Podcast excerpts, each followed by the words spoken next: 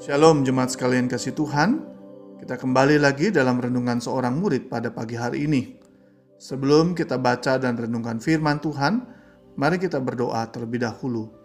Ya Tuhan, kami mau kembali tundukkan diri di hadapan Tuhan. Mau membaca dan merenungkan firman Tuhan.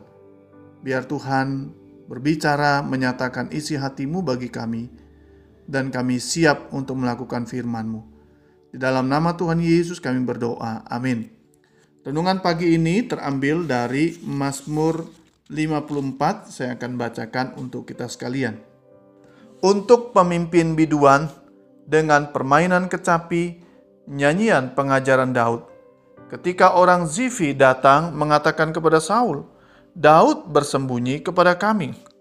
Ya Allah, selamatkanlah aku karena namamu Berilah keadilan kepadaku karena keperkasaanmu. Ya Allah, dengarkanlah doaku. Berilah telinga kepada ucapan mulutku. Sebab orang-orang yang angkuh bangkit menyerang aku. Orang-orang yang sombong ingin mencabut nyawaku. Mereka tidak mempedulikan Allah. Sesungguhnya Allah adalah penolongku. Tuhanlah yang menopang aku biarlah kejahatan itu berbalik kepada seteru-seteruku. Binasakanlah mereka karena kesetiaanmu. Dengan rela hati, aku akan mempersembahkan korban kepadamu. Bersyukur sebab namamu baik, ya Tuhan. Sebab ia melepaskan aku dari segala kesesakan dan mataku memandangi musuhku. Tema kita pagi ini adalah berlindung kepada Allah. Saudara sekalian, ketika kita membaca Mazmur, maka kita akan menemukan bahwa Mazmur itu dibagi menjadi beberapa jenis Mazmur. Misalnya saja, ada Mazmur pujian, Mazmur ziarah, Mazmur Torah, Mazmur hikmat, dan lain sebagainya. Dari sekian banyak pembagian Mazmur, ada satu bagian yang dikenal sebagai Mazmur ratapan atau Lemon Psalm. Seperti halnya Mazmur 22 dan Mazmur-Mazmur ratapan lainnya, Mazmur 54 merupakan salah satu Mazmur ratapan di mana di dalam Mazmur ratapan kita akan menemukan banyaknya ratapan-ratapan dan permohonan pertolongan kepada Allah.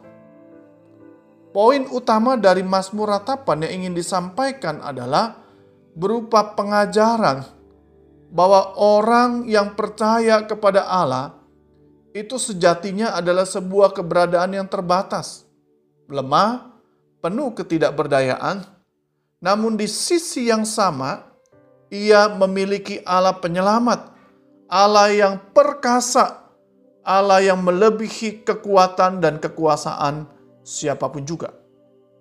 Di dalam ayat yang ketiga, Pemasmur berkata, Ya Allah, selamatkanlah aku karena namamu.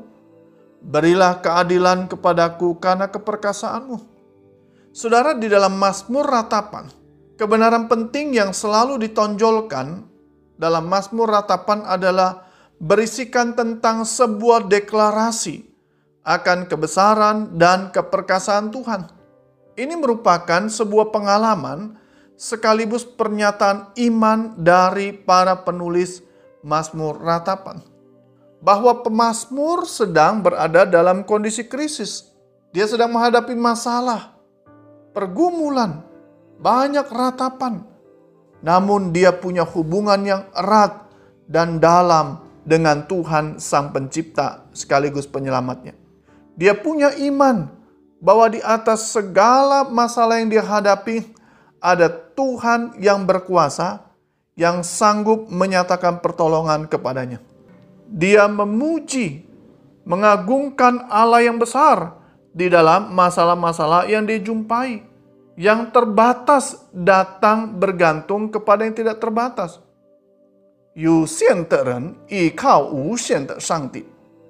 Pemasmur menghadapi masalah, namun dia tidak mengasihani dirinya sendiri dia tidak berfokus tentang bagaimana dapat mengatasi kesulitannya dengan caranya sendiri. Dia lebih berfokus dan mengarahkan perhatiannya kepada kebesaran Tuhan.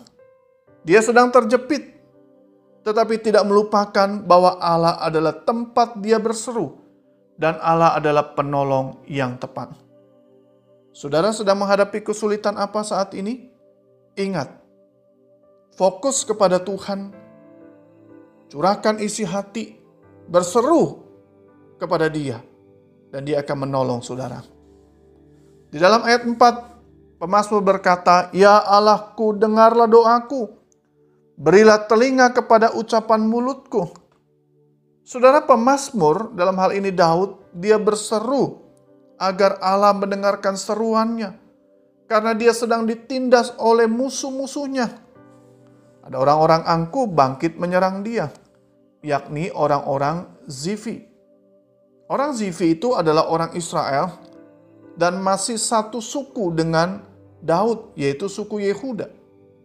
Namun orang-orang ini adalah orang-orang yang tidak takut Allah, yang hanya mencari keuntungan dari kesulitan yang dihadapi oleh Daud. Pasal yang kelima.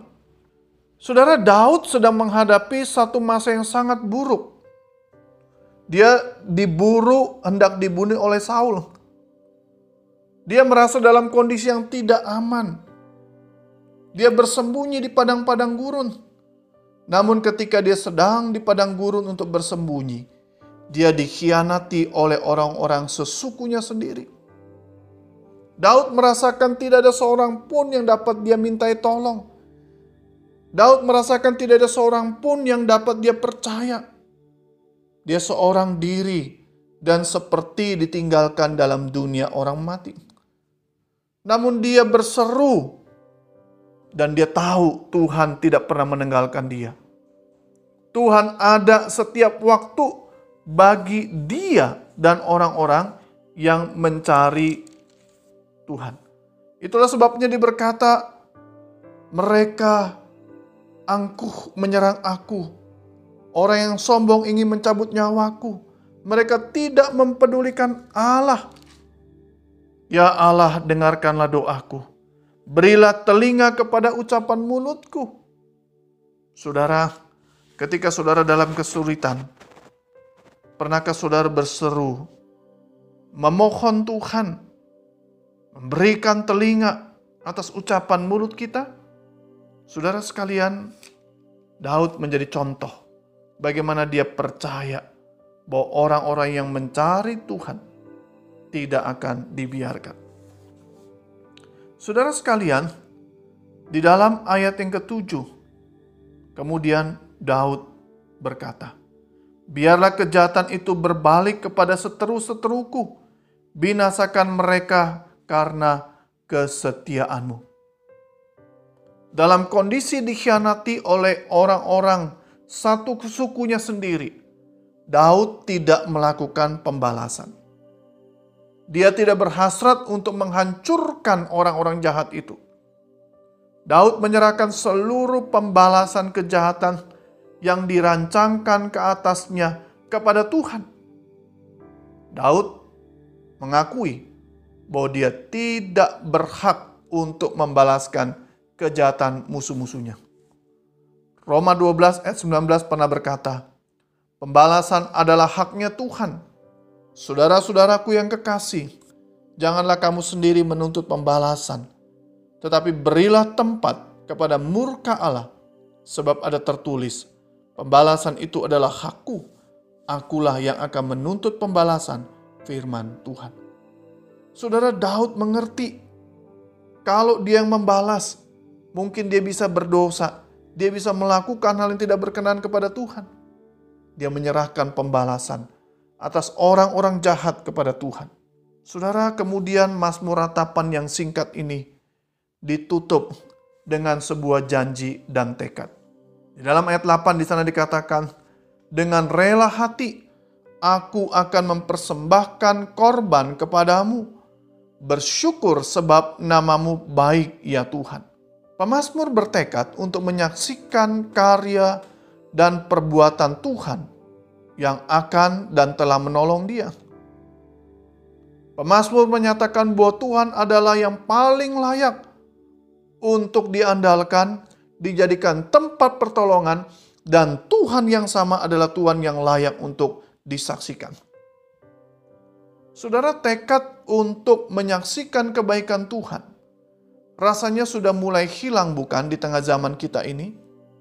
Ketika kita mengalami pertolongan, berkat kebaikan Tuhan atas seluruh persoalan kita. Terkadang kita enggan untuk menyaksikan karya Tuhan tersebut. Padahal menyaksikan kebaikan Tuhan itu baik dan dapat kita lakukan dari orang-orang yang terdekat dengan kita di tengah keluarga besar kita, di tengah pertemuan kelompok kecil, di hadapan teman-teman yang belum percaya Kristus atau yang sudah percaya Kristus. Dengan kita menyaksikan pertolongan Tuhan tersebut, maka sesungguhnya kita sedang mengajak orang untuk memiliki iman dan menaruh pengharapan hanya kepada Tuhan saja. Sudahkah saudara menyaksikan karya Tuhan setiap kali saudara mengalami pertolongan Tuhan? Kiranya Tuhan menolong kita untuk menyaksikan kebesarannya senantiasa dalam hidup kita. Mari kita berdoa. Bapa di surga, kami menyerahkan perenungan firman pagi ini. Tolong kami mengaplikasikan firman ini dalam hidup kami. Menjadikan Tuhan sebagai tempat perlindungan. Dan juga menyaksikan Tuhan sebagai pelindung penolong kami tiap-tiap hari. Terima kasih dengar doa kami. Dalam nama Tuhan Yesus kami berdoa. Amin. Tuhan memberkati kita sekalian. Amin.